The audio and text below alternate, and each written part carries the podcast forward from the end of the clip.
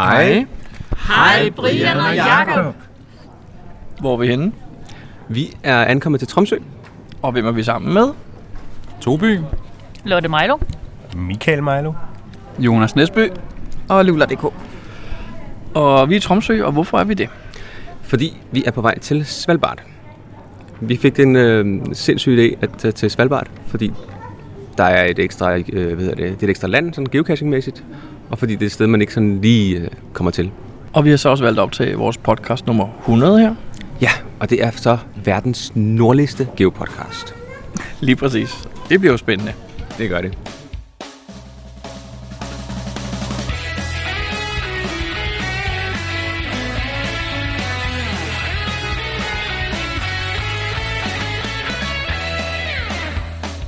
Du lytter til GeoPodcast, din kilde for alt om geocaching på dansk. Husk at besøge vores hjemmeside, www.geopodcast.dk for links og andet godt. Husk at du kan kontakte os via Skype, e-mail og Facebook. Vi vil elske at få feedback fra dig. Hej Louise, vi er lige kommet til uh, Tromsø Lufthavn her. Hvorfor er, vi, hvor, hvorfor er vi her i Tromsø? Det er fordi, at vi skal holde ferie på Svalbard. Okay, er det i Norge, eller hvordan? Ja, det er Norge, men det lader til, at øh, geocaching.com så sådan regner det som eget land. Det er også lidt spændende. Men ikke nogen souvenir. Jeg tror ikke kun det er geocaching.com, for det er noget med, det er selvstyre øh, under norsk overherredømme eller sådan noget lignende. Oh, okay, okay, det må vi undersøge på ferien. Google lidt og sådan noget. Ja. Hvorfor har vi valgt at tage herop? Hvad forventer du? Altså, jeg vil sige, jeg tror rimelig meget, det hele var planlagt, da jeg pludselig blev spurgt, vil du med til Svalbard? Og så sagde jeg, ja, jeg skal lige se, om jeg kan få fri. så jeg, jeg, mine forventninger var, at jeg skal på tur med jer. Har du undersøgt, om der er nogen geocacher deroppe? Det er der. Er alle sammen loadet på offline-kortet. Selvom jeg er tre. Jeg håber, det virker i Svalbard. Vi får se. Hvad forventer du, vi finder? Finder vi nogle kasser, tror du? Hvor mange? Vi skal minimum finde en hver dag, ellers bliver mig Henrik ked af det, fordi så dør vores streak. Okay, men hvad ellers, tror du? Jeg tror, jeg kommer til at finde nogle gode cacher i naturen. Jeg tror, det er mere sådan... Du har ikke, du har ikke sat dig fast på et antal, vi skal nå at finde? Nej, nej, det har jeg ikke. Har du et antal, du skal nå at finde? Nej, nej, jeg skal også bare have en om dagen, og så skal jeg gerne have en multi på torsdag. Det har jeg lidt planlagt. Jamen, det bliver spændende. Men der er jo selvfølgelig den her challenge med at finde 25 cacher i fem lande. Så det kunne være fedt, hvis vi fandt 25 på Svalbard. Skal det så være på samme ferie, man tager de fem lande? Nej, det tror jeg ikke, det behøves. Men jeg regner ikke med at komme igen lige med det samme. Så hvis okay. vi får en 24, det er ærgerligt. Nå, vi må se, hvad de andre siger til 25. Ja, jeg håber, vi når det. Tak. Jakob, øh, beskriv, hvor vi er. Vi er inde i øh, en, en slags barak. Okay, okay. Øh, trævægge, der er, øh, der er langt ned, hvis man kigger gennem sprækkerne i gulvet. Mm, lad være Der er is for neden. Der er togskinner inde i barakken. Øhm, Og der er Henrik og Louise og Jonas og, og Michael og, Lotte. ja, de er her også i barakken. Men hvorfor Og, er vi øh, her, og hvad er det, det er? Jamen, vi er jo øh, som sagt øh, stadig på Svalbard. Og vi er kommet til en mine. Der ligger en cache, som hedder, hvad hedder den? This is mine. Ha, This is mine nummer to. Og øh, det er faktisk nummer et på Wilson-listen over Svalbard. Så den skulle vi selvfølgelig have. Hvad synes du om den? Jeg synes, det er et rigtig spændende sted. Kassen var lidt kedelig, ikke? Jo, men den lå bare i starten af minen, og nu Den får skulle vi have så... ligget op på toppen jo og været en femmer i terræn. Jamen, så kan det være, der ikke var så mange, der kunne tage den jo. And hvis den er en femmer, skal den nok komme derop. Ja, ikke alle. Anyways, så. fin kasse. Skal vi se, om vi kan komme ind i kulminen? Det synes jeg Det er en kulmine, det fik vi ikke sagt. Det er en gammel kulmine. Jamen, lad os prøve, om vi kan komme derind. Okay. Brian, øh, beskriv, hvad det egentlig er, vi lige laver her. Mener du, hvor vi er henne? Jamen, vi har jo begivet os... Øh, hvor mange meter over havet er vi? Det ved øh, Henrik, han slår lige op og kigger. Vi skal op og finde Earth Cache. Vi er gået cirka 2 km uden for byen. Vi er gået 208 km op. Og 2 km uden for byen. Ej, jeg tror, vi er lidt mere inde på byen, er vi ikke? 4,1 km fra hotellet, er det det, du siger? Hold da op. Nå, anyways. Jeg kan huske hjemme i Danmark, der har været noget turbulens omkring nogle folk, der var ude i en skov på noget førstvanderjagt. Og så splittede de en masse øh, trærødder, hvad hedder det, stube fra hinanden, fordi de skulle finde kassen først. Og de trampede rundt og sparkede til det hele. Og nu står vi herude og skal smadre sten. Hvorfor skal vi smadre sten? Jamen den her geologiske eller Earthcache opgave, der skal man simpelthen med en stenhammer flække alle de sten, man kan finde, og så se, om der er fossiler i, forstenede dyr, fra den gang, at Svalbard lå nede ved øh, Sydpolen. Eller ved ekvator, eller hvor var det nu, lå henne? Sydpolen, ja. Øh, og, og for at gøre det, skal man simpelthen smadre stenene herude. Det synes jeg er en lille smule øh, mærkeligt, sådan i betragtning af, at man øh, skal passe på naturen, ikke? Det vi kan høre i baggrunden, det er sådan øh, Michael, der er ved at smadre nogle store sten mod hinanden. Find- Finder du noget, Michael? Men indtil videre har vi jo fundet en...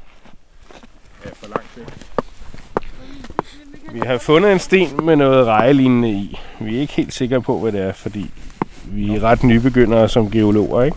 Jo, jo. Men vi ser en aftegning af noget, der godt kunne være hovedet af en reje, eller også så er det bare et blad med nogle små fine også fnytter i. Vi har også en anden sten derovre. Der er i hvert fald kul i på den ene side, kan vi godt se. Ikke? Ja, Det må jo være noget, noget plantemateriale af en slags. Ja. Nogle pinde eller et eller andet. Men, Har vi bestået den? Har vi, har vi, kan vi lokke den? Det ved jeg ikke endnu. Der var ret mange spørgsmål i den, ikke? Åh, oh, det var der. Hvad var det, vi skulle, øh, vi skulle gøre for at øh, lokke den her? Det er Louise, der har styr på det. Oh, vi skulle øh, ja, finde fossil. Vi skulle beskrive fossiler. Og vi skulle snakke lidt om nogle stentyper. Var der nogle stentyper, der var større chance for at finde fossiler i? Så var der nemlig lidt det der med, at Svalbard engang har været omkring Sydpolen, og det skulle vi også skrive lidt om. Og så var der et femte spørgsmål. Jeg kan ikke huske, hvad det var lige nu. Men altså meget af det kan vi jo klare, når vi nu har været her. Og hvis vi finder et godt fossil, man må også godt tegne sit fossil, hvis man godt tage det med hjem. Så Okay. Jamen, øhm, Jakob, hvad synes du? Synes du, at det er okay, at man skal smadre stenene? at man skal smadre alle stenene, Ja, man skal med en hammer smadre sten forskellige, for du skulle vurdere for en type sten, der giver flest mod fossiler jo. det kan jeg ikke se nogen problemer i. Hvad, siger, hvad, hvad mig? Synes du, det er okay, Michael? Jeg ser ikke, at man ødelægger noget ved det, fordi det er jo, det er jo ikke noget, der har sådan en arkitektonisk værdi i sig selv, eller noget, der er Ja, det har en træstup jo heller ikke. bevaringsværdigt på den måde. Nej, Det svarer jo til at, at gå og kratte lidt i, i overfladen af et kalkbrud, ikke? Så er det bare mig. Den har virkelig flot og har virkelig, virkelig hvidt. Har virkelig vidt. Og vi er ret heldige, at der er faktisk nogle sten, der ikke er dækket af sne. Fordi altså, ifølge, ifølge kastbeskrivelsen kan man tage den fra sidst i maj, og det er jo faktisk nu. Øhm, men der er kun en lille topfri lige her på omkring Gazet, der er fri for sne. Og en snescooter havde været rigtig, rigtig godt at komme herop med. Det havde været dejligt. Men øh, vi er faktisk heldige, fordi det blæser lige nu næsten ikke. Nej, det er rigtigt. Det gjorde det på vej herop, og vi var heldige, vi havde medvind. Ja, det bliver lidt ærgerligt, når vi skal hjem igen. Ja. Men ned, ned skal vi nok komme. Det har vi prøvet før. Når vi så skal kure Eller rulle. eller rulle, det bliver helt vildt sjovt at komme hjem. Hvorfor er det, vi kalder vores podcast her for verdens nordligste geopodcast? Jamen det er fordi, øh, de fleste ting heroppe i Svalbard bliver kaldt for øh, verdens nordligste. Der er verdens nordligste øh, bar, tror jeg det var, og verdens nordligste øh, cru- cruise, øh, et eller andet. Og ja, det, det, jeg synes, der er gået lidt sport i det, så vi tænkte, det her det må Verdens være nordligste værtshus. Ja, det har vi tænkt. Nordligste sportsbutik. Verdens nordligste sportsbutik, ja. Så jeg tror, jeg tror der er ligesom er gået sport i det. Og øh, nu øh, bliver det her så verdens nordligste geopodcast. Sådan. Jeg tror ikke, vi får øh, optaget en øh, nordligere end her. Du skal ikke øh, til den der danske øh, camp over på Grønland, hvad den hedder. Øhm, Sirius Patruljen. Jeg tror ikke rigtigt, jeg kommer derop. Okay. Det er tredje dag, vi er på Svalbard.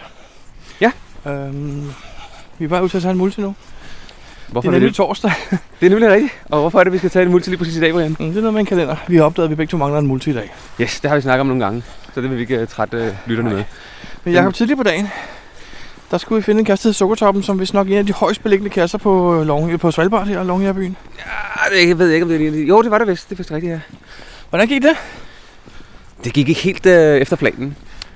Fordi der var sgu, uh, der var sgu for meget sne i forhold til, uh, at skulle kunne komme op til den. Så Altså- vi måtte uh, opgive undervejs. Hvor lang tid og, tog øh, det at prøve? Jeg har faktisk ingen anelse om, hvor lang tid vi var om det. Så jeg siger to, to og en halv time, tror du på det? Ja, det tror jeg gerne. Det er lidt øve, ikke? Jo, men øh, vi fik en, øh, en rigtig god tur. Og øh, flot udsigt over byen, der hvor vi kom op. Ja. Og det var i sig selv øh, okay, synes jeg. Okay. Det er ikke altid, det, man får et fund ud af det, men øh, det var en god tur derop. Rigtig flot. Nu, øh, de ting, vi har fundet, vi har faktisk efterhånden fundet 19 kasser her på øerne. Øerne. Hvad, hvad synes du om dem i sådan alt i alt? Jeg synes faktisk, de er, de er gode. Altså, der er forbløffende mange, der er øh, small og regular størrelse. Det er meget få mikroer, vi har fundet. Ja. Og det synes jeg er positivt. Der er også god plads heroppe, ikke? Jo, lige præcis. Og så har man heldigvis valgt at lægge nogle kasser, der er store nok til, at man kan indeholde nogle TB'er og sådan noget, i stedet for en lille nano eller mikro og sådan noget. Vi har faktisk ikke fundet nogen nano endnu. Nej, det er rigtigt. Så Hvad synes du om klimaet, Jakob? Det er maj måned, vi har valgt at tage op. Uh, vi er på en, er det 78 grader nord. Ja, det omkring. Har vi pænt meget sne? Ja, der er lidt, øh, der er lidt sne. Der er øhm, minus 2-3 grader. Så blæser det lidt. Chillfaktoren øh, siger omkring øh, minus 10 grader. Hvorfor gør man det i maj? Fordi det var her, vi kunne. Jeg vil hellere til Palm øh, Springs. Ja, men øh, det har du ikke fået et nyt land ud af jo. Ej, det Og nu var det jo, at øh, Svalbard det er sådan lidt anderledes. Det har vi ikke prøvet før. Det er øh, helt andet natur. Helt andet end øh, Palm Springs, som vi, eller som du i hvert fald har prøvet rigtig mange gange før. Jamen, det er rigtigt. Nu er vi på en bakke igen. Jeg er sådan lidt træt af det. Er det Henrik, er det her? Det er her. Vi er ude at finde waypoint. Hvad skal vi til herfra? Her skal vi tænde antallet af ruder i de vinduer, vi kan se på den grå transformatorstation. Okay. Det her det er faktisk øh, det er Svalbards eneste multi. Ja. Så Og det, det var vist kun en dag på turen, vi skulle finde multi, så det ja. passer jo perfekt. Nej, det passer ikke. Hvorfor ikke? Fordi jeg skulle have haft det tirsdags. Hvordan gik det? Det gik ikke så godt. Men øh, rejste vi ikke hjemmefra i tirsdags? Jo. Så tog du vel ind hjemme, inden vi rejste? Selvfølgelig gjorde jeg ikke det. Hvorfor ikke? Jeg havde set det for sent i kalenderen. Vi, Så det vil sige, det er vores fordel, er det sådan set bare forberedelse. Ja, den havde jeg ikke styr på der. Jeg har regnet med, at I havde styr på det hele, men det, det havde I så ikke. Men jeg kan så trøste med, at 17. maj kommer igen næste år. Heldigvis. Og jeg skal også finde en 17. maj, for jeg nåede heller ikke at finde en hjemmefra inden. Ej, hvad? Så vi kunne have rettet os sammen. Det kunne vi. Jeg var ude at finde en. så, er du kommet til at mangle en i dag. Lige præcis. Der er nemlig kun den ene multi her på øen. Ja. Eller her Inden på vi på fløj, øen. i tirsdags inden vi fløj, kunne da have gjort det. Jamen, jeg skulle lige hente nogle mennesker undervejs, og så var der lige... Ja, det tager sgu lidt længere tid, man lige tror, vi skal finde en multi. Jo. Så det blev ikke sådan noget den dag. Godt nok. Fred være med det. Har vi alle sammen talt vinduerne i bygningen? Nej. 16. Spoiler! Spoiler alert! Godt nok. What are the odds, at der kommer nogen sådan lige og husker det? Okay. Men så skal vi bare videre, Det er ikke? jo den eneste multi. Husk det. 16. Godt nok. Vi, vi smutter videre. Jakob, øh, øens eneste multi er nu lukket, eller fundet i hvert fald. Ja. Og det er en bison, så det blev en mikro. Op. Hvad synes du? Jeg synes, det var en fin multi. Øh, lidt ærgerligt, at det er en bison, men sådan er det. Men hvad er planen nu? Vi skal ud og køre taxa igen. Vi casher Vi- kun på Det er jo vildt billigt at køre taxa her på fundet. Vi kørte cirka 2,5 km, og det kostede 146 norske. Og vi skal ud mod øh, lufthavnen og finde nogen derude. Jeg tror, vi har tømt øh, byen faktisk for kasser. Nej, du mangler sukkertoppen op. Det, jeg siger byen, det er ude på byen. Nå, okay. Der, er- der findes flere kasser op på, øh, op på bjergene, skal jeg til fjellene. Mm. Dem, øh, dem har vi ikke nået. Jonas, hvad er det, du står og laver? Jeg står lige og er i gang med at få patroner ud af vores riffel. Ja, hvorfor det? Fordi vi... Fordi vi skal i en taxa. Ja, vi skal jo bruge den igen om et øjeblik, når vi kommer ud i den anden byen. Men øh, Du må ikke have en lat øh, riffel med i en taxa. nej, og vi er inde i et område, hvor der øh, ikke skulle være isbjørne. Der er ikke at være isbjørn i taxa. Skal jeg bare Nej. putte de her patroner i lommen så? Ja, gør det. Jeg synes, du skal putte dem i, I patronholderen? i den patronholder, vi har her. Okay. Sådan der. Vi er ved at være professionelle i det. Ja, det går hurtigere og hurtigere, kan jeg godt mærke på jer. Jeg har, jeg har lært det i dag, Og det er så bagstykket, eller hvad hedder det? Bundstykket? Ja. Hvorfor hedder det det? fordi de sidder i bunden. Okay, så er det et spørgsmål. Hvad er det for en ting, der prikker på patronen og får den til at fyre Den- af? Det er en bagfjeder, der sidder hernede. Så den dernede, så kører den hele vejen igennem Så der? sidder der en stift, Ah, så som det er slår stift, ind det. patronen. Okay. Sådan der. Dem leger man heroppe. Riflen koster 200 kroner, 200 norske kroner om dagen at lege. Og så får man 10 patroner med, og dem man bruger, dem betaler man for. Og dem man leverer tilbage, betaler man ikke noget for. Okay, og Og hvad koster det at bruge en patron? Øh, 25 kroner per styk. Nå, minus norsk tax, så er det 20 danske. Men Og hvad, det, det, det skulle være meget rimeligt. Det koster ikke så det galt, størrelse ja. 25 derhjemme, tror jeg. Og vi er i gang med vores syvende omgang. Og vi, øh, og vi kan se, at patronerne har været... de har været lånt ud mange gange. Ja, de har været lånt mange. De har selvfølgelig ikke været brugt. Men De har været let i det kan være mange, mange, mange ja, gange. de har fået lidt buler og lidt rifter hister her. Det er sjovt at se, for det kan være, det er jo, et, hvad var det fra 1900 og hvad sagde han? Det er en gammel mauser fra omkring 1945, som har været i formentlig den norske hærs tjeneste. Man kan se, at de har overstreget serienummeret og givet den deres eget, og så står Nå, der ja. her på. Så det er nok noget, de har købt fra et overskudslag. Model 98 står der også på den. En kaliber 700 7,62. Mm. Øhm, men, Men så vi vidt kan- jeg husker, så er det et våben, der har, der har bevist sit værd Ja. i militærtjeneste i, Så det gør ikke noget, der er 70 i år årtier. Nej, den skulle være ret driftssikker. Okay. Så øh, men Ja. vi håber ikke, vi får brug for den. For vi Jeg har, kunne rigtig godt tænke mig at prøve at føre den af en enkelt ja, gang. men vi har ikke skudt den ind, så Nå. vi aner ikke, hvad vi rammer. Ja, men problemet er jo, det er jo det, når du står, hvis du står 3 meter fra en isbjørn og sigter på den, så rammer du den jo nok lige meget hvad. Det vil jeg tro, jeg gør, ja. Vi har ikke set nogen isbjørn? Det har vi ikke. Jo. Ja, udstoppet. På skilte. På skilte Ja. ja. og udstoppet. Men jeg har også hørt, at, at det skal vi være glade for, at vi ikke har. Jeg vil så gerne se en. Ja. Det er ikke pjat. Jeg Men vil virkelig på gerne lang afstand, ikke? Bare sådan et par hundrede meter vil være fint nok. Ja. Det er et vildt har vores dyr. taxa. Det er et vildt dyr. Det er vildt. Det er bare vildt. Og, Og det er hvidt. Ja. Det er vildt og vildt. Og som udgangspunkt står der jo, hvis man ser en, så skal man altid regne med, at den vil angribe dig. Nå, okay, Så super. du skal opføre dig som om, at Okay. du skal forsvare dig. Okay. Jamen, det er vi klar til. Vi er klar til at larme. Louise, Jakob, hvad er det, vi står og ser på her, op fra fyrtårnet? Vi står på toppen af et fyrtårn. Ja, det er nok det mest primitive fyrtårn, altså, jeg længe har set. Ja, og jeg synes, det er interessant, at vi finder cashen, eller oh, men det, vi var også ude i vandet først. Der blev fundet en cache, men lige nu der står vi og kigger på alle de andre nede ved vandet, der ser på net. Der er fotosession faktisk dernede, kan jeg se. Der Netto- bliver Netto- taget billeder. Næstby har smidt øh, skoene, støvlerne, strømperne, trukket bukseben op og noget at bade. I det nordligste vand. I, i vores, øh, håret på vores optag her, der er faktisk sne i øjeblikket. Det sner ja. Ja. herude. Og nu har han så fået forfrysninger. Nu skal han så have fødderne op i nogens armhuler, for at få dem varme. jeg er glad for, at vi står herovre. Ja. Øh, jeg er glad for, at taxichaufføren kørte igen, han ikke skulle vente på os. Han havde da godt nok undret sig. Og han havde nok fået sig et billedgrin. Tossede danskere. Det er Men sådan, vi ser tyskerne opføre sig i, i vores ferieland nogle gange. Ikke? Men ellers er der, øh, det er desværre en lille smule diset. Ellers så tror jeg, der er en sindssygt flot udsigt herude over vandet. Der er en masse bjerge i baggrunden. Ja. Øh, vi så det lidt i går inden for byen af. Det var meget flot. Ja. Ja. Kan jeg så stille det obligatoriske spørgsmål? Ja. Skal den have favoritpoint? Det er et godt spørgsmål, Jacob. Hvad siger du? Favoritpoint. Jeg tror ikke, den her skal have favoritpoint. Det er jo den nordligste og vestligste. Det er ikke den, jeg er ikke sikker på den nordligste, den her. Er det det? Jeg har ikke helt styr på, hvad den er nordligste. overhovedet. Nej, jeg tror faktisk, vi finder en ved pynten derude, faktisk, som er endnu nordligere. Okay. Men øhm, Har der været der på turen, I skal give favoritpoint?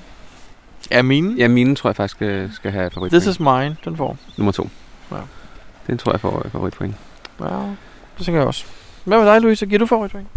Har du nogen at give her? Ja, ja, ja, ja, ja. Jeg har faktisk øh, nogle stykker for tiden. Jamen, jeg kan godt se det med, øh, med minen, at det var ret fedt, at vi kunne komme. Men altså, cashen var jo ikke noget specielt. Det var en stor beholder, men den ligger selvfølgelig helt derop. Og derfra kunne vi gå rundt og udforske. Den får os et sted hen og se noget, vi ellers ikke ville set, ja, det er rigtigt, det gør den bestemt. Ja, selve beholderen var der ikke noget ved, jo, som sådan. Men Nej. Jamen, jeg ved det ikke. Jeg, ved, jeg har tænker lidt over det, øhm, hvad der, om der er noget, skal heroppe. Men det, det, var nok den, det har nok været den fedeste, vi har taget indtil videre. Havde vi, var vi kommet op på Sukkertoppen bjerget der, hvor vi lige blev mødt af lidt sneforhindringer, så havde den også været øh, ret oplagt, tror jeg. en fed tur op. Men det er jo to vidt forskellige ting. Minen var jo en gammel struktur, som står for lat. Altså sådan en lost place agtigt hvorimod at bjerget toppen var bare en bjergtop, Det er oplevelsen af at komme derop, ikke? Og, og man kan ligge noget deroppe. Og nu ved vi heller ikke, hvordan det havde været deroppe, faktisk. Men den udsigt, vi kunne se, var, at det hvor vi var, vi manglede stadig omkring hvad, 100-150 Ja. ja. med højdemeter. Det var da flot. Mm. Altså, det var virkelig flot udsigt Ja. ja. ud over byen og fjorden og sådan noget. Har Jonas et håndklæde med til sine fødder, ved I det? Det tror jeg ikke. Jamen, han er vant til det sokker. Han er vant til det fødder. Sejt. Kan du- De, Det der tror jeg hvide, også. de der hvide rener, der går alle steder, hvad, hvad, har, hvad, hvad er det? Det er Hvad hedder den de? Lokale, den lokale hjorteart, hvad ved jeg. De er meget, mm, som du selv kalder det, meget øh, massive, ikke? Jo, Nej, jo, jo. øh, Det er en kompakt, det er kompakt, kompakte, dyr. ja. Det er det. Den der vil du ikke have løbet ind i din bil, tror jeg. Vil jeg ikke det? Nej. De er virkelig Jeg lidt tror, den var skræmmende. en bule. Okay. Jeg ved ikke, hvad den hedder, og vi har ikke smagt på den endnu, fordi Jo, der vi har fået været på en restaurant. Ja, men det var da ikke den der, tror du? Og det var el, El. stadigvæk. Var el. El. Ej. Jamen, der er ikke kun en til at gøre, Louise. Du må fange en. Jeg prøvede før, den stak af. Jeg vil bare sige Ja, hej. prøv at smile. Har du prøvet at smile til den? Sig, sig hvor pæn Du ser godt ud i dag, siger du til den. Du ser godt ud i dag, lille ren. Vi vender tilbage, når, øh, vi vender tilbage, når Louise hun har fanget en ren. Yes. eller elg. Jonas, vi andre har fundet en geocache. Hvad har du lavet? Er vi ude af geocache? Vi er. Hvad laver du? Nå, øh, jamen jeg har øh, aftaget mine støvler. Og for Jonas. Ja, men øh, det, er ikke så, det er ikke så ofte, man kan komme i vandet så langt nordpå. Hvordan var vandet? Det var dejligt. Det lyver du om, jo. Hvorfor er du så ikke stadigvæk i vandet? Øh, fordi at, øh, jeg kunne ikke komme længere ud med det, med det tøj, jeg ellers havde på. Var det koldt? Egentlig ikke. Jo, det, det var selvfølgelig, selvfølgelig er det Jeg koldt. kan se isbjerg herfra. Jamen, det er jo langt væk. Nå, okay. okay. Øh, jo, det, det er jo koldt at stå derude. Øh, men øh, vi skulle lige have nogle billeder jo. Nu har du simpelthen været ude og bade i det nordligste. Det har jeg. Nu har jeg så har jeg slået Nordkap. Der var jeg under vandet. Øh. Øh, så vi skulle lige have haft håndklæde med og lige tænkt over det. Hvad siger vi Så, andre? så var jeg hoppet i. Hvad med dig, Lotte? Skal du også i? Ja, ja da. Nej. Jeg kan godt holde dine støvler. Skal jeg holde dine støvler imens? Er det ikke den mest sindssyge idé at få? Vi er ude at kaste på spidsen. Der er vand, jeg lader mig hoppe i. Det sner. Du plejer at være nem at få med. Det sner rent faktisk. jeg synes, du er sej nok, jo, øh, Jonas, men øh, det er ikke noget for mig. Nej, Nej. så, så du vil ikke... Øh, skal vi... Jeg tager skoene af igen, hvis du... Nej, nej, nej. Det var der, jeg har... Nej, nej, nej. Jeg venter til Palm Springs. Det er. Næste stop. Der er jeg så ikke med. Det ved du ikke noget. Nej, ikke noget. Michael, hvad sagde taxamanden om de her isbjørne? Han sagde, at øh, herude, hvor vi er nu, ude for enden af landingsbanen, der var det sjældent, at der var bjørn, fordi øh, når vi kigger omkring, så er der ikke rigtig noget is. Og øh, de kan godt lide is, for hvor der er is, der kan være sæler, og sælerne kan de lukke på mange kilometers afstand. Okay. De er egentlig ikke så glade for mennesker. Jeg så lige hen bagved, der stod et kamera og en målestok, nemlig. Som om de var klar til at filme, hvis der kom en bjørn. Lad mærke til det? Det lagde jeg ikke Og det ser vi nok lige med så. Vi skal Ja, ud og finde okay. cash nu. Lad os lede. Geopodcast. Dansk Geopodcast. Vi vender tilbage til Svalbard lidt senere i podcasten, men først skal vi høre en masse indlæg, vi har fået fra vores lyttere. Så nu har jeg startet, og sådan et indlæg skal jo altid starte med, Hej Helle. hej Bo. Hvor er vi henne? Vi er i Boston. Hvad laver vi her? Vi er på ferie. Hvad har vi lavet i dag? Jamen, vi har været på Cheesecake Factory. Jo, men hvad lavede vi før det? Ja, der var vi jo så ude og finde en lidt speciel cache, øh, som er en letterbox, som hedder The Depot. Og den er fra 2001, og den har været udnævnt til at være ugens cache for nogle måneder siden af Geocaching HQ, så derfor var den på vores liste til at finde, når vi var på ferie. Ah, det var der, hvor vi parkerede i det fine kvarter for enden af vejen og gik ind i den helt ny udsprungne skov. Det var det nemlig, og så fulgte vi sådan et lille spor ind i skoven, hvor der var nogle fuglehuse. De var jo ikke større end tændselsæsker, hvide med rødt tag. Det var de. Skulle vi ikke bruge dem til andet end at finde vej? Jo, vi skulle finde et tal under nogle af dem, så vi var nødt til at kigge under hver eneste lille fuglehus.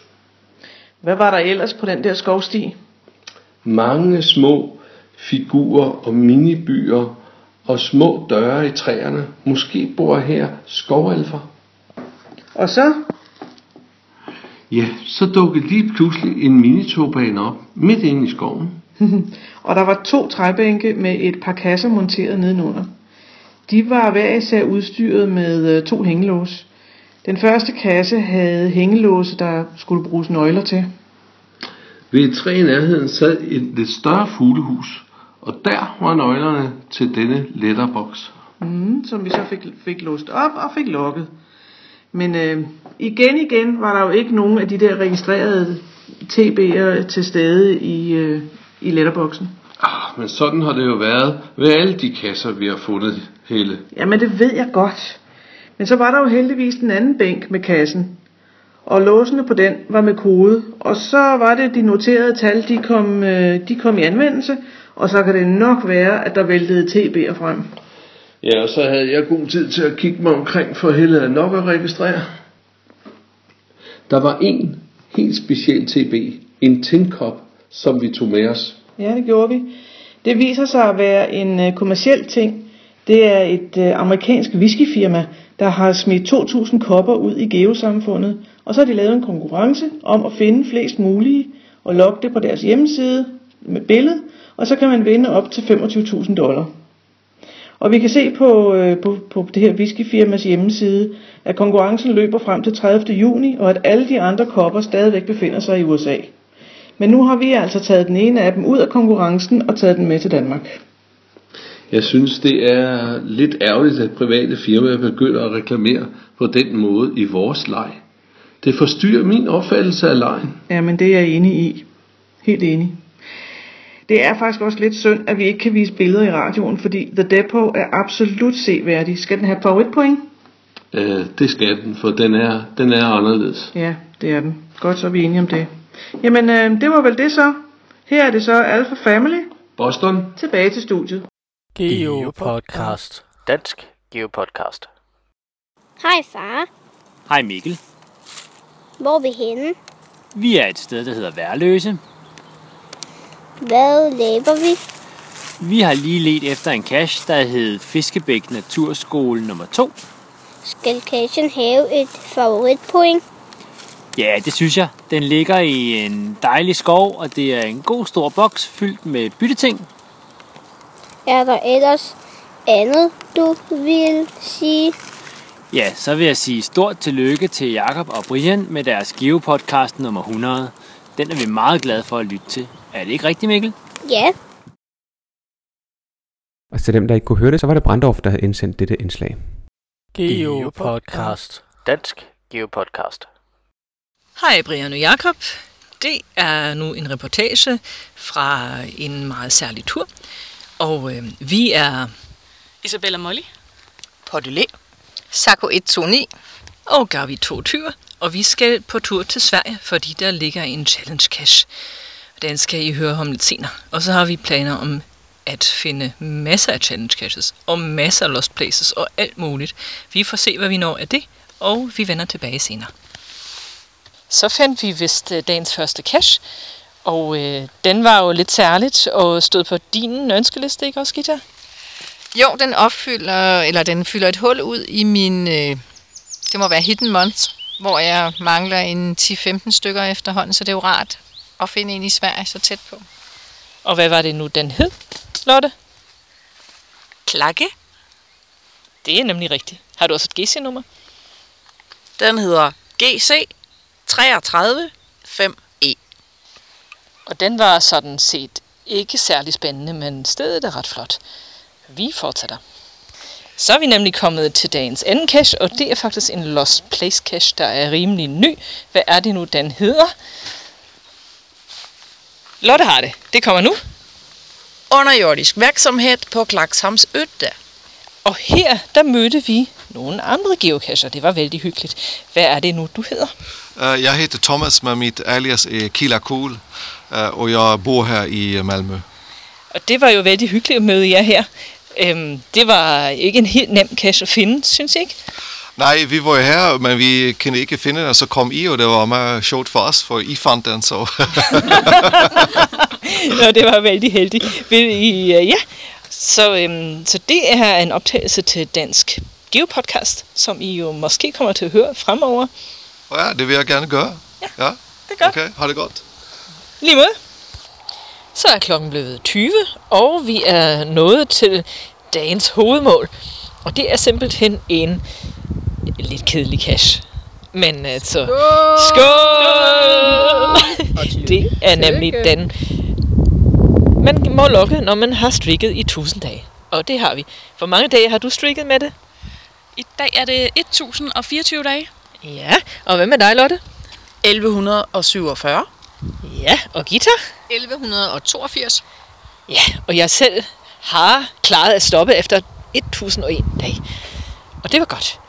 Men øh, så står vi her ude på landet, og øh, vi kan se lidt gårde og sådan. Og vi har lukket en fantastisk lille petling, som var i et vejskilt, men det var 1000 dages streak. Ja, så er det imidlertid blevet nat, og øh, vi er simpelthen forfulgt af nattergale. Og nu går jeg lige hen til den ene, så kan I høre lidt nattergale musik her. Den er vældig højlydt.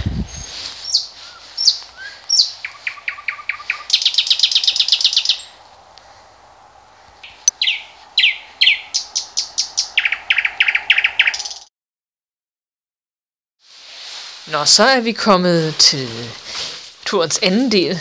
Det er nu lidt efter midnat, og vi har efter en lang challenge road nu begivet os til Lost Places. Den første, vi er i gang med, det den hedder Red Face. Og vi har været rundt og fundet forskellige markeringer, og nu er vi lige gået lidt i stå. Nå, nu så vi lige noget igen. Vi vender tilbage. Så er jeg glad. Var det til dit øh, streak? Så tror vi, vi har fundet noget lidt uventet. Og ikke helt i den størrelse, som vi forventede. Men vi åbner den og er meget, meget spændte. Om det er en hint, eller om det er logbogen. Og det er simpelthen Yes! logbogen Newbie! Sådan. Ja, og så står de streakende damer rundt omkring mig og siger nogle nye tal, fordi nu har de fundet dagens free cash. Ej, hvor er jeg glad for, at jeg ikke skal det mere.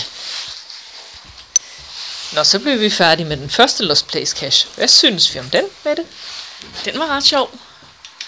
Øhm, vi kom sådan ret godt rundt i øh, det her hus, vi er i. Både i stueplan og på første salen, men også i øh, flere forskellige dele af huset, øh, hvor vi skulle udenfor for at komme til de dele. Og øh, vi har set rigtig mange gamle ting. Øh, det så ud som om, at det har stået stille siden 40'erne her. Ja, faktisk. Vil du anbefale den? Absolut. Og cashen hed altså Red Face, og GC-nummeret var? GC 5G 381, og det er Midnight Ghost, der har lavet den, også kendt for sine puslekasser. Tak. Ja, så er vi kommet til vores næste Lost Place, og den hedder The Ghost Place Reborn. Og øh, vi tror, vi har fundet noget, som ser meget interessant ud. Øhm, Gita, vil du ikke prøve at gøre noget ved det? Det her. Tør du? Ja, jeg ved det ikke rigtigt. Ja. Åh.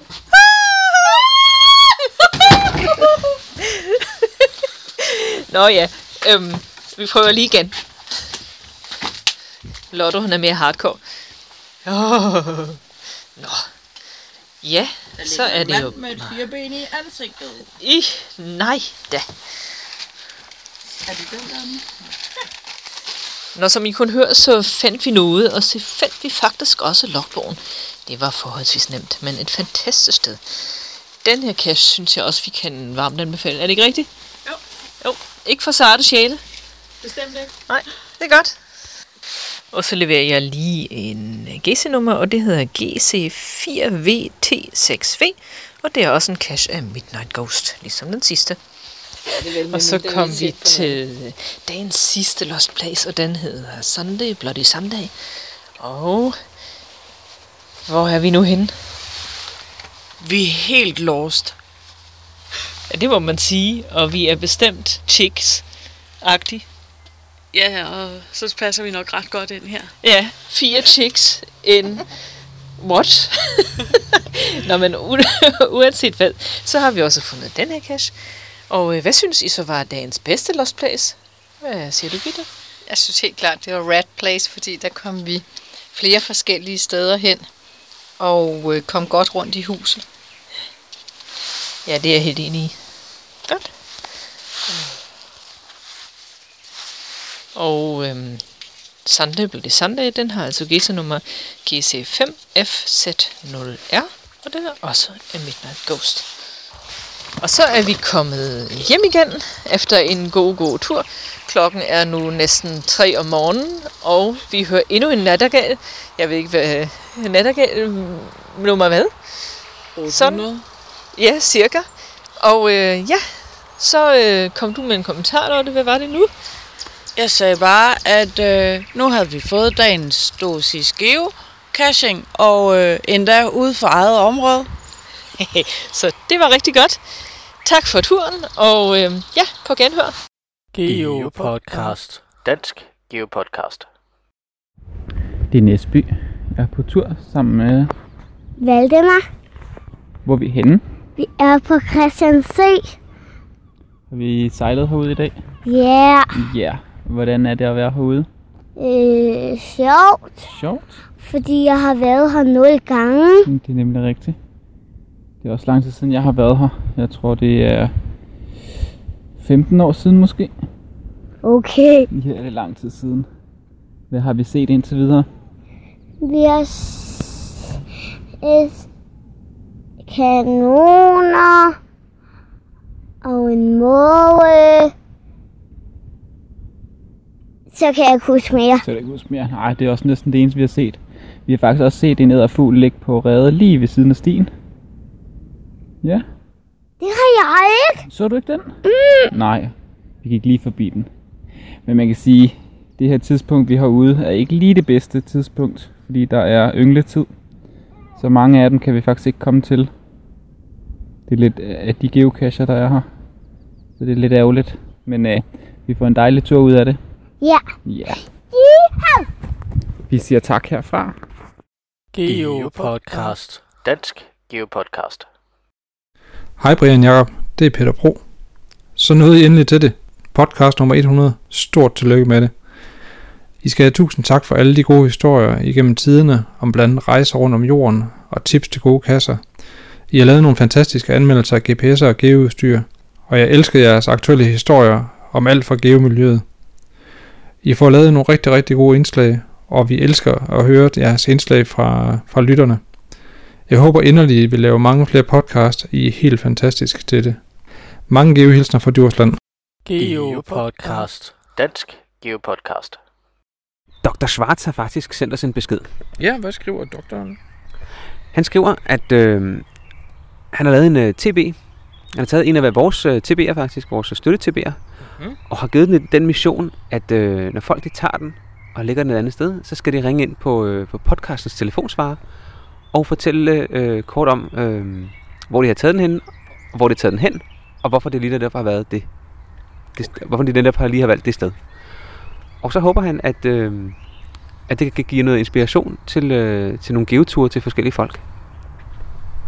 Det lyder da rigtig fornuftigt, synes jeg. Ja, og øh, jeg vil glæde mig til at høre de forskellige indslag, som folk kommer med, hvis det, når de ringer ind med, øh, med deres historier.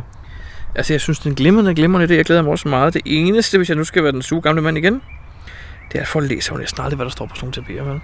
Altså, hvis der står, nu kun rejse mod nord, så rejser den mod syd hver anden gang og sådan noget, ikke? Lad os nu se, hvordan det går. Jeg tror faktisk på det. Det gør jeg også. Jeg vælger at være positiv og synes, det er en rigtig god idé. Og tusind tak til Schwartz. Dr. Schwartz, for det. Lige præcis. Geopodcast. Dansk Geopodcast. Jesper Vium, han har faktisk skrevet en mail til os. Ja, det var da fantastisk.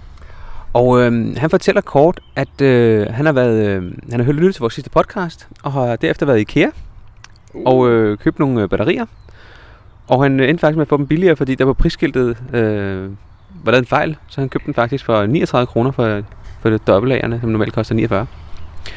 Der burde være sådan et alert-system, så når sådan nogle ting sker, så bliver man alle sammen advaret om det, ikke? Ja, så alle geokasserne også kunne få dem billigere. Ja, lige, lige præcis. Og øhm, så undrer han sig over en anden ting. Ja. Fordi i den sidste podcast, der siger vi, at øh, vi går øh, mod, la- mod vinden ned ad landingsbanen, således at vi kan se, hvis der kommer en flyver, der lander. Ah, det siger vi da ikke, gør vi? Vil det ikke være fjollet, hvis vi sagde sådan noget? Jo, lige præcis. Det ville nemlig være fjollet. Øh, vi har lige hørt det igennem igen, og han har ret. Og det var helt klart en talfejl, for jeg tror nok, jeg ville have sagt medvinden i det tilfælde der. Præcis. Fordi flyene, de lander altid i modvind. Nemlig. Men vi gik faktisk imod vind. Hvilket så også vil betyde, at vi rent faktisk... Vil få flyveren ind bagfra. Ja, ja. Så øh, Så Jesper har ret, han er opmærksom. Det kan en meget opmærksom lytter, det er fint. Ja, og han skriver også, at øh, han kan desværre ikke komme til øh, vores øh, jubilæumsevent, øh, men han vil spise en is i Yellowstone Nationalpark og tænke på os. Øh, ja. Jamen, så vil vi også tænke på ham. Ja, og rigtig, rigtig god tur til, øh, til øh, USA og Yellowstone til øh, Jesper Vium. Geopodcast. Dansk Geopodcast. Sikke mange indlæg fra lytterne, vi havde den her gang. hva'? Det er fantastisk. Tusind tak til vores lyttere. Også tak til dem, der har sendt ind på, øh, på grund af, at vi har podcast nummer 100. Det er virkelig dejligt, at folk gider. Keep them coming. Vi vil bare have indlæg og indlæg, og vi, vi tager dem jo med. Vi tager faktisk alting med. Det eneste, der forhindrer os i at tage med, det er, hvis kvaliteten, den tekniske kvalitet ikke er brugbar. Ja, og øh, som, øh, som også nogen siger, det er faktisk nogle af de ting, som folk godt kan lide at høre. Det er øh, folks indlæg ude fra marken. Nemlig. Tusind tak. Geopodcast. Dansk Geopodcast. Hej Brian. Hej Jacob. Kan du fortælle noget om, hvor vi er henne? Jamen, vi er i... Øh, jeg vil godt sige Ejby, ikke? Åh, oh, det må du godt. Okay, vi er her. Vi, vi er ude ved Ejby lidt ude fra Klostrup. Og øh, du har bedt mig om at møde op her, uden at ville sige andet, og så har du stukket mig en papir i hånden nu. Øhm, skal jeg hvad der står? Ja, det, det, det kan du godt.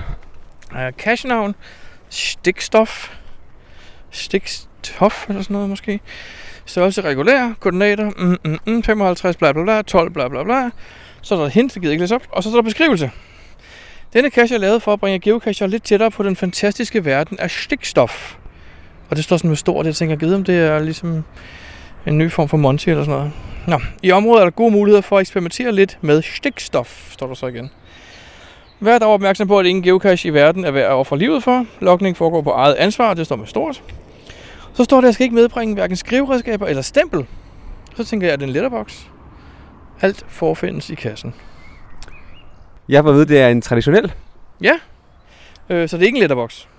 Nej, ikke, ikke ifølge CO i hvert fald. Nå, så det er ikke dig, der er CO? Det... Nej, det er ikke mig. Men der står ikke på den her side, hvem der er CO. Ved vi, hvem er CO, eller hvad, hvad er det for noget, det her? Jamen, øh, til øh, det, øh, hvad hedder det, øh, event, der var for, øh, for to dage siden. Øh, det er faktisk løgn. Det føles som to dage.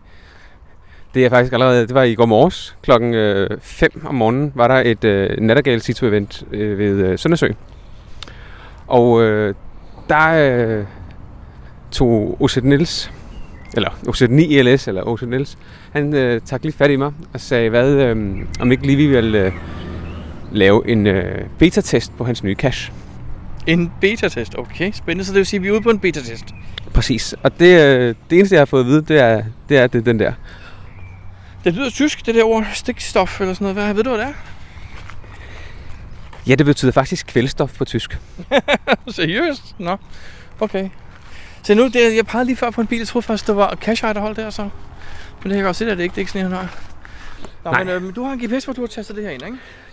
Jo, og øh, vi, skal, øh, vi skal til højre lige om lidt ned af, ned af øh, ved græsset her. Okay. Så øh, jamen, øh, vi vender tilbage lidt senere. Jakob, nu har vi fundet kassen og åbnet den, og hvordan går det? Jamen, øh, det går øh, stille og roligt fremad. Øhm, det, var ikke, øh, det var ikke lige helt det, jeg havde forventet.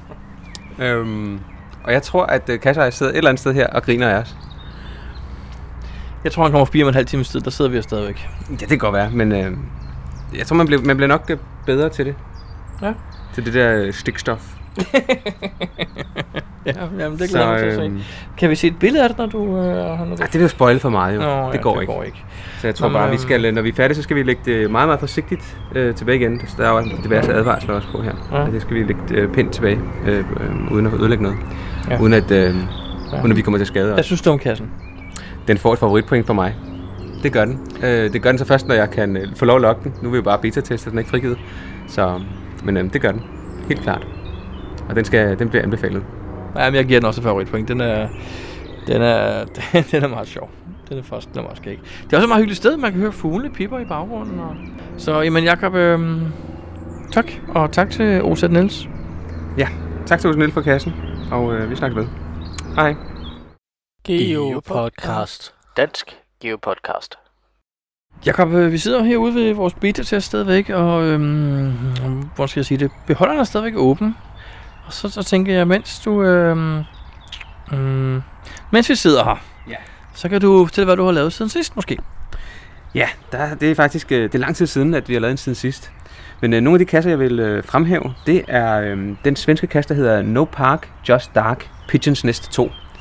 Som er en øh, Lost Place cache, øh, jeg var ude at finde, sammen med... Øh, åh, det var en masse mennesker. Milo og Nesby og Headnet og Lula.dk og Tosi 246 øh, 01, eller hvad den hedder. Og et par stykker flere. Det var en, øh, det var faktisk en ret god øh, Lost Place. Der var et step, der manglede, øh, hvilket gjorde, at vi var lidt længere tid om det, end, øh, end man normalt behøvede, og der blev vi også lidt, øh, lidt trætte til sidst. Det blev lidt, lidt sukkerhold. Og øh, Hvor, hvor mange step var der? det kan jeg faktisk ikke huske, hvor mange steps der var. Ja, en 6, 7, 8 ting. Man skal, man, man, man skal løse en opgave til at starte med, for at finde ud af, hvor det er henne, og så får man, øh, får man nogle, nogle ting, man skal finde, der, der er inde i det der store, store øh, hal. Eller store hus, eller hvad hedder sådan noget, bygning. Og så får man nogle koder, og så skal man indtaste dem på en hjemmeside, eller sådan, eller sende en mail. Jeg kan ikke lige helt huske det.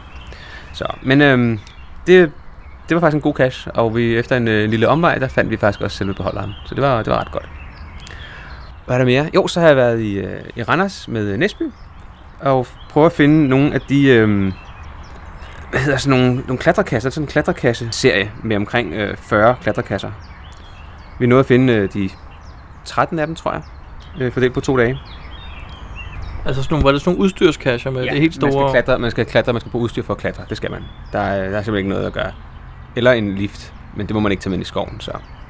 Ja, så har jeg været ude en tur med øh, Milo og Toby og øh, Luna.dk og finde øh, Ammermysterierne. AM-serien af Dane 42. Det er 17 mysterier, som er øh, rigtig godt lavet. Mange forskellige øh, typer mysterier. Mange, nogle af dem er meget nemme, nogle af dem er lidt svære. Øh, men det lykkedes mig faktisk, øh, de fleste af dem at løse dem selv, eller meget, meget små hints faktisk. Øhm, så dem kan, de kan klart anbefales at, at kigge på dem. Og så passer det med, at vi øh, samlede sammen og fandt dem alle sammen. Nogle, nogle af dem havde fundet nogle af dem, og, men øh, jeg tror, Tobi og jeg havde ikke fundet nogle af dem endnu. Så Vi er ude at blive first finder på den sidste, så vidt jeg husker, og prøve på det, og den var da, altså jeg synes, den var sådan ikke så svær. Var den sådan meget kendetegnende for de andre i sværhedsgrad?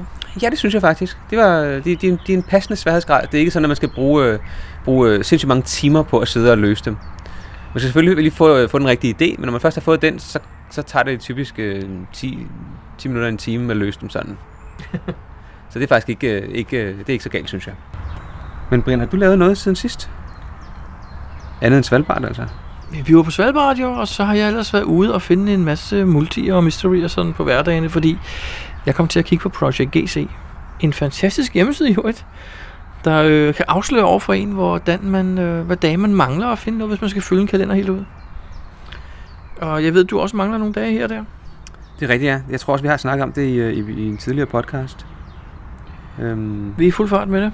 Ja, jeg manglede stadig nogen, og jeg nåede også at blive nødt til at droppe nogen her i forbindelse med Svalbard.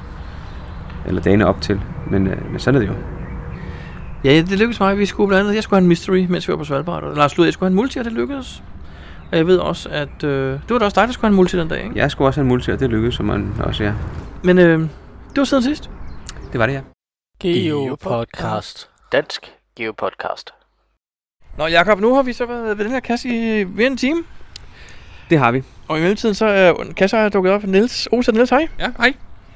Hvad, øh, hvad synes du selv om det her? Er du, er du stolt? Ah, Jeg, jeg vidste ikke rigtigt, om jeg skulle sætte den der attribut, om det skulle være take less than an hour, men øh, det, det tog så nok lige øh, ja, lidt mere end en time, så øh, ja, det må jeg hellere sætte på, når jeg kommer hjem. Vi synes, den er meget sjov, ikke? Jo, absolut. Den, øh, som jeg sa- sagde tidligere, den får et favoritpoint for mig, det er helt sikkert. Ja, jeg tror, vi har en af de øh, kommende favoritsluger her. så tillykke med den, den Tak, er god. Tak, tak. Og tak, fordi vi måtte være beta-tester. Jamen, øh, I var mere end velkommen. Geo Podcast. Dansk Geo Podcast.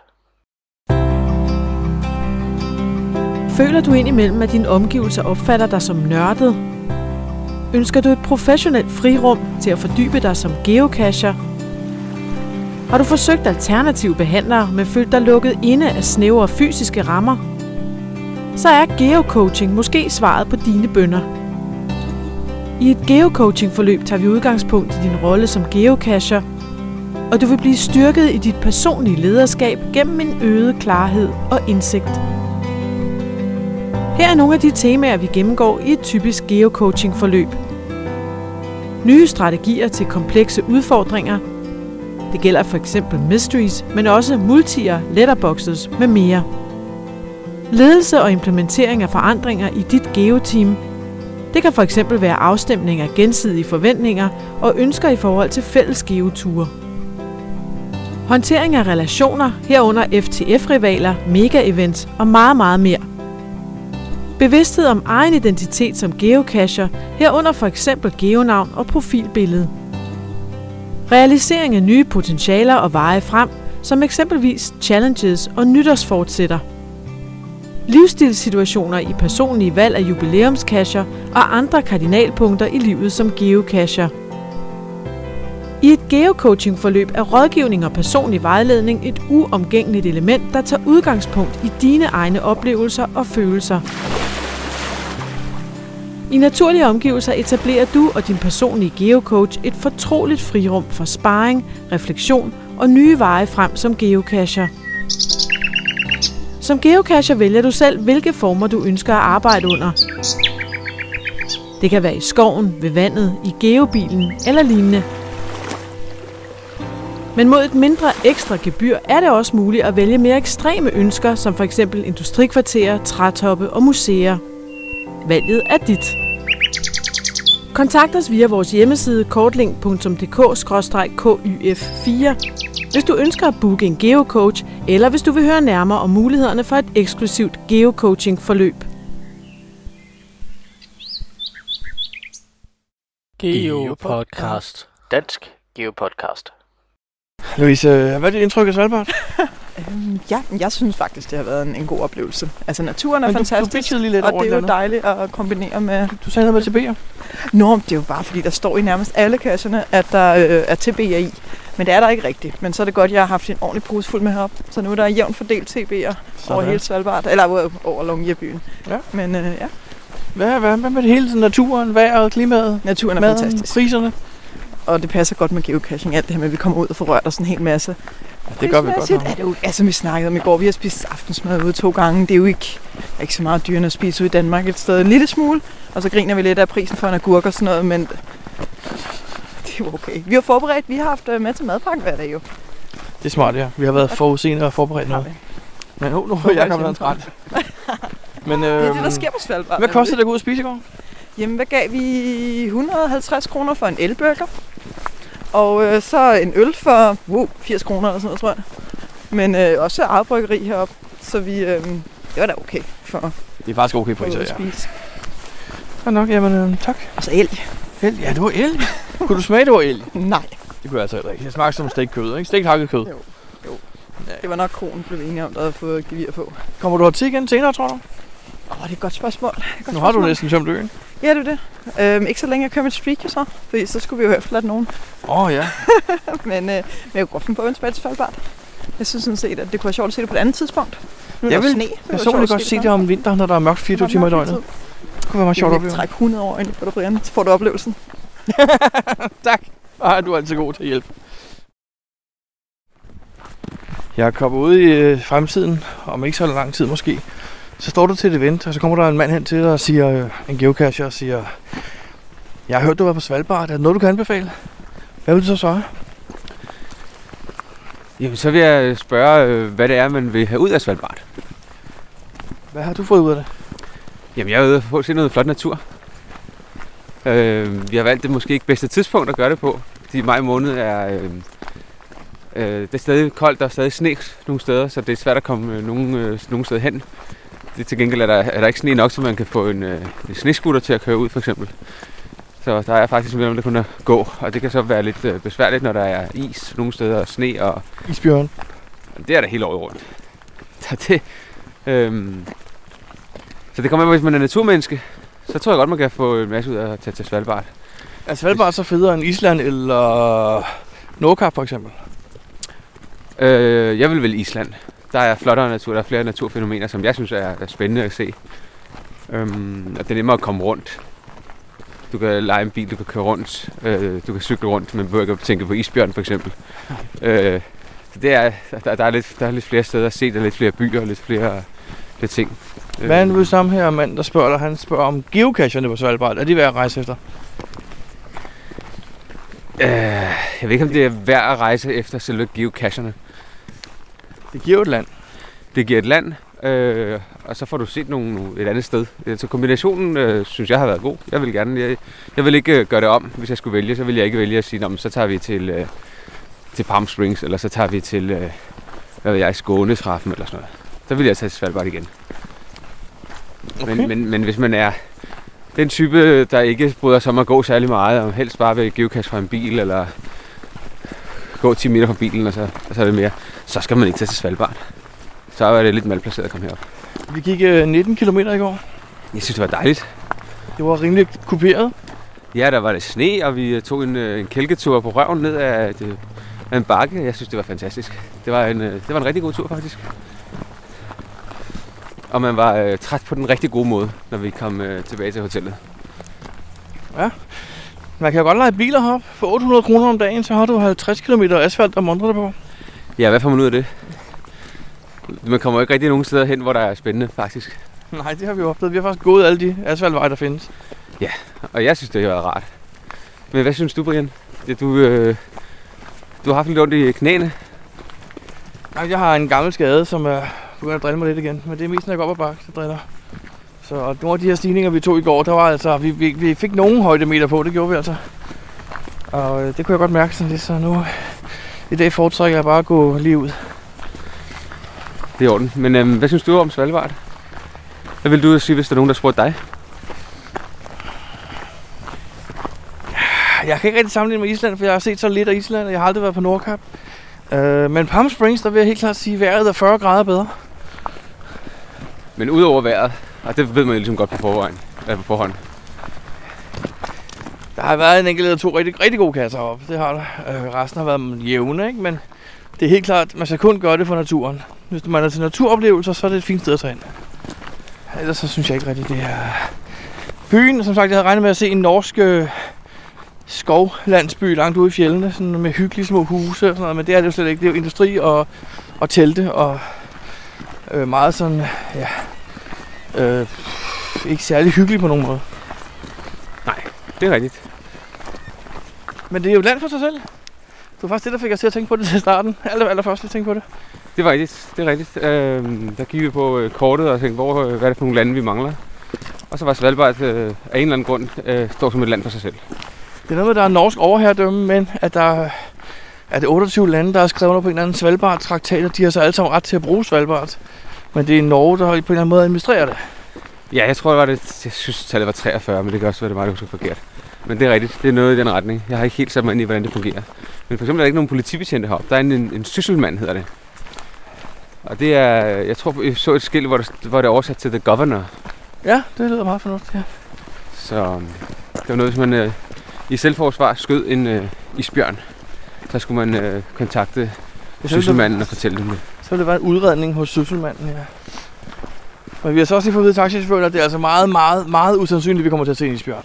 Ja, desværre. Jeg kunne faktisk rigtig godt tænke mig at se en isbjørn. Det behøver ikke at være meget tæt på selvfølgelig, men øh, det kunne da være fedt at, øh, at se den ude på en eller anden isflage eller sådan noget. Men øh, det bliver nok ikke på den her tur. Nej. Nu må nok en tur til Zoologisk Have for at se sådan en. Henrik, øh, hvad synes du om øh, Svalbard sådan generelt? Nu har vi været her i to dage. Jeg synes egentlig, at øh, det er meget spændende.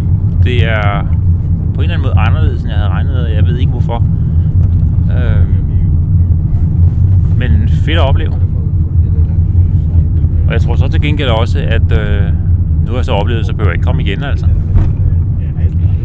Nej, du har flere gange snakket om, hvordan vejret var i Palm Springs, mens vi gik rundt her i sneen.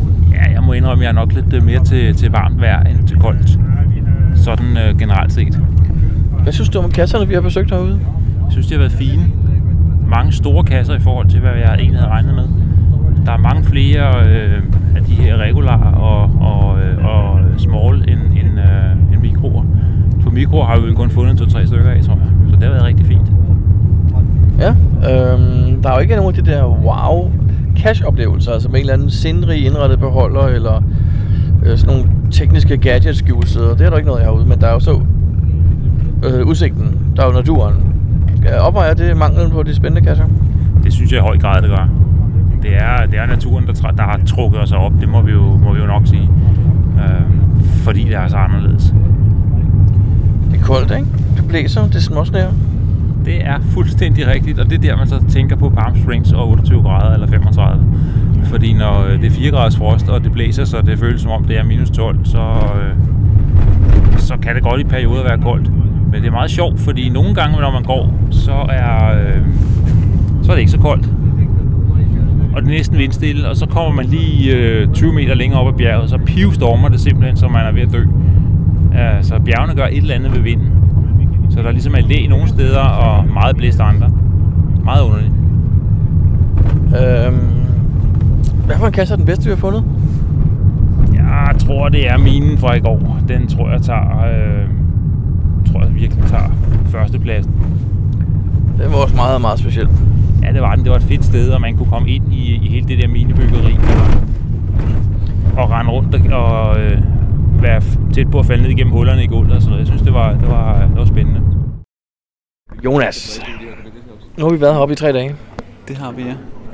Vi har jo ligesom ikke taget de her dyre udflugter med hundeslæder og sneskuter og båd til den anden side af øen. Øh, vi har klaret det helt til fods. Hvad synes du om det? Øh, ud fra mit synspunkt, så øh, synes jeg, det er ganske udmærket. Jeg synes, det er rart at kunne gå rundt og tage det, og udfordring på den måde generer mig slet ikke. Vi gik en, var det over 20 km den, den første hele dag, vi var her? Ja. Hvad, var det hårdt? Det gik da lidt op og ned, men jeg tror, jeg har prøvet steder, hvor, det måske har, hvor jeg har gået endnu mere, og hvor der har været mange flere højdemeter. Så derfor øh, så, så synes jeg, det var en ganske fin tur. Hvis der sidder nogle af vores lyttere, der godt vil have op, men som ikke synes, de vil give så mange tusind kroner for udflugter, er det så værd til at op og bare gå rundt selv? For naturen, så synes jeg nok, men jeg tror lige så godt, så kunne man vælge et andet sted i Norge eller øh, øh, øh, sydpå, Schweiz. Øh, så, det, så, for, så for det, så nej. Alt i alt synes du, det har været dyrt? Altså, når jeg, når jeg kigger på, hvad jeg skal give, eller ud af, ud af det, vi har været igennem, så, så egentlig nok ikke. Øh, men jeg har, jeg har førhen sådan været på tur selv øh, i Oslo, da der var øh, mega-event der, og der har jeg jo klaret den væsentligt billigere. Man kan godt mærke, at det er lidt nordligt polaragtigt, og det er ting, der koster noget, ikke? Jo, det kan Ude at spise koster nemt 400 kroner, ikke? Ja. Og det var fast food. Ja, det, det har det været. Men øh, vi skulle også have noget hurtigt med. Så det passer. Jonas, tak for turen. Det var hyggeligt. Jamen selv tak, man. Michael, øh, nu er turen ved at være slut her på Svalbard. Hvis nu du om et stykke tid til et event bliver, bliver spurgt af en anden geocacher, er det værd at tage til Svalbard? Altså, Skal, skal jeg tage en tur derop? Hvad vil du svare dem? Øh, ja, absolut. Det er øh, spændende at opleve et polarsamfund på de betingelser, de nu har. Øh, Geocaching-wise, så er de caches, der ligger her, øh, det jeg kalder oplevelsescacher. De fører ud til et sted, hvor der er enten en seværdig udsigt, eller noget, der er specielt at se. Man skal være forberedt og klædt på til det. Det er polaregn. Man skal have nogle gode støvler, så man kan komme ud og vandre lidt. Og man skal være forberedt på, at man også kommer til at svede lidt af det. Det går op ad bakken nogle steder. Øh, Hvis man vil uden for byen, så skal man også sørge for at tegnebogen med, fordi så kræver det lige pludselig lidt ekstra ting. Man skal lege våben, eller man skal lege en guide. Og så skal man formentlig også have en eller anden form for køretøj, en snescooter eller en båd. Og det er rigtig dyrt, som i rigtig dyrt. Våbnet var til at overkomme, ikke? Og våben er billigt. Det koster et par hundrede norske kroner om dagen at lege en riffel. Øh, og patronerne betaler man kun for, hvis man bruger dem. Det fik vi jo ikke brug for, så det var godt nok. Men en snescooter koster 12-1300 at lege om dagen. Man kan godt lege en bil, men man kan ikke komme særlig langt, fordi der er kun veje i Longyear. Så hvis man vil nogle af de andre steder på øen, så er det båd eller snescooter. Eller til fods selvfølgelig. Så det er ikke en, et sted, man tager hen, hvis man bare vil øh, lulle lidt omkring og finde nogle, nogle, nogle nemme kasser i en by. Det kan man jo godt, men så behøver man ikke mere end en dag eller to her. Så øh, har man overskuddet det. Hvad synes du ellers om prisniveauet heroppe? Nu har du lige sagt lidt af det jo, men hvad... Altså, vi ved godt, det er Norge. Norge er dyrt, men altså, personligt er jeg ret overrasket over det. Hvad synes du? Jamen, det er jo norske priser og lidt ekstra. lidt? ja, men vi, er vi er jo langt fra, vi er på et ø-samfund, ikke? så vi er langt fra fastlandet, og øh, alt skal flyve sig op, og, og det bærer det præg af. Så øh, altså, vi så en, en liter kakaomælk nede i supermarkedet. Den kan være god at restituere sig på, men den kostede 42 norske kroner. Øh, mælk var cirka 30 kroner literen, ikke? Men vi havde jo læst, at det var et tolvfrit område heroppe. Alt skulle være uden 12 og moms, men det ja. synes jeg ikke, priserne lige afspejlede. Jamen måske i forhold til, hvad det ellers ville have kostet. Ja, det kan selvfølgelig godt være. Fordi vi, vi så jo nogle ting. Altså vi så jo, at letlinser lamper for eksempel var okay fornuftige i prisen. Bortset fra, at de synes, at de der små øh, lygter, vi løber rundt med som geocacher, det er noget fesen noget. Så det er nogle store håndlygter øh, fra letlinser, og dem kunne man få til en ganske overskuelig pris. Øh, men så var der jo så alt andet. Øh, det er nok Norge plus 25 procent, ikke? Det var dyrt. Vi fik købt noget lækkert undertøj. Undertøj? Det gjorde vi, men det var også meget, meget, meget billigt. Det var et rent tilfælde, ja. Ja, det var nedsat temmelig kraftigt. Skal du op igen? Øh, det ved jeg ikke, om jeg behøver. Hvis jeg skal, så vil jeg nok øh, lægge lidt til side på kistebunden, så jeg har så jeg føler, at jeg har råd til at tage på nogle af de ture, der er. Men hvis, hvis man for eksempel vil på en bådtur, det koster 1.850 norske kroner, og vi taler ikke en weekendudflugt, vi taler en, en dagsudflugt. Og, øh, og det er per person, ja. Øhm, og vil man, øh, vil man samme tur på snescooter, så er det næsten 4.000 norske kroner. Det er, øh, det er en hamper udskrivning for en en tur. Så Det synes jeg også. øh, Jeg, jeg synes, man skal, man skal forberede sig og være opmærksom på, at det er ikke et resort, man tager op til det her. Det er, det er et polarsamfund, øh, og jeg gætter på, at de fleste af dem, der er her, de er her enten for at forske i, i geologi eller i, i biologi, øh, eller også er de her for turismens skyld. Minedrift det er en saga blot, og den eneste grund til, at der stadigvæk er lidt minedrift, det er vist mere for selvforsyningens skyld, så de har noget kul og fyre med, når det er koldt. Og det er det åbenbart ret tit. Har du nogen idé om, hvorvidt at der er noget heroppe, der er verdens nordligste? det var et meget ledende spørgsmål.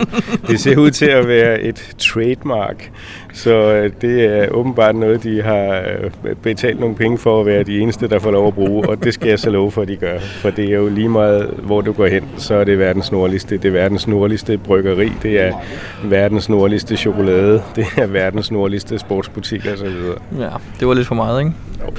Jamen, tak Michael, og tak for turen. Det var en fantastisk tur. Geopodcast. Dansk Geopodcast. Hvor er vi henne? Vi er nu ankommet til Oslo. Ja. Og øh, vi er vej hjem. Og vi, vi, vi skal sige farvel til de andre. Det skal vi. Men nogle de, øh, de tager direkte hjem, og øh, vi er nogle stykker, vi har selvfølgelig lige sørget for at planlægge øh, hvad hedder sådan noget, øh, To timer. I to Oslo. timer i Oslo, så vi lige kan få lov at finde nogle kasser her også. Det er vigtigt, når man planlægger ture, at man lige har tid nok til at lige finde et par kasser, det var man mellemlander. Og det er også fordi, så får Henrik lige et land mere. Det Præcis. Og det gør Louise jo også. Hey! Souvenir. Souvenir og land. Eller også var det bare, fordi Brian ikke kiggede på vores flyplan, da vi havde booket den først. Nej, det er ikke noget, Nå, at okay. Så god tur hjem til jer andre. Ja, og øh, det var så også slut for podcast nummer 100. Hej hej. Tak for denne gang. Hej. hej.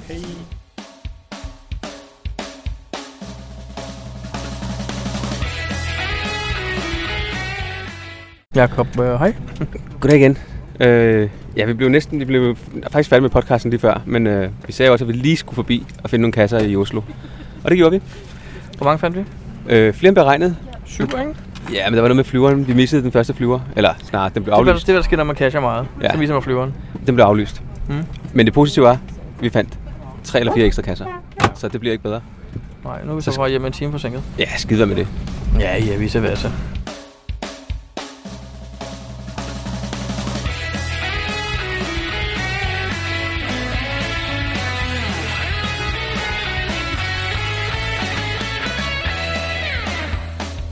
Du lytter til GeoPodcast. Din kilde for alt om geocaching på dansk. Husk at besøge vores hjemmeside, www.geopodcast.dk for links og andet godt. Husk at du kan kontakte os via Skype, e-mail og Facebook. Vi vil elske at få feedback fra dig. Lula.dk Hvor er vi henne? Vi er på Svalbard. Og hvor er Jacob og Brian? De er faktisk også på Svalbard. De er os, vi har bare stjålet deres optager. ja. Hvordan er vi kommet herop? Vi er faktisk fløjet op. Men lige her, hvor vi er nu, der er vi i en, øh, i en forladt mine, og der er vi gået op af en hel masse sne. Ja, op ad en bjergside. Og vi er nord for Polarcirklen. Det har jeg hørt. Der- Jeg måtte lige google det i går, men ja. Ja, okay, vi googlede det i går, men der er visse tegn heroppe. Så som at det er sol døgnet rundt. Det er rigtigt. Midnatssol, som egentlig ligner middagssol. så, så det er ikke, øh, der er bare lyst hele tiden. Nu kan jeg se Jakob og Brian, vi ligger lige optageren igen. Og, og tusind tak for dem, der har været her i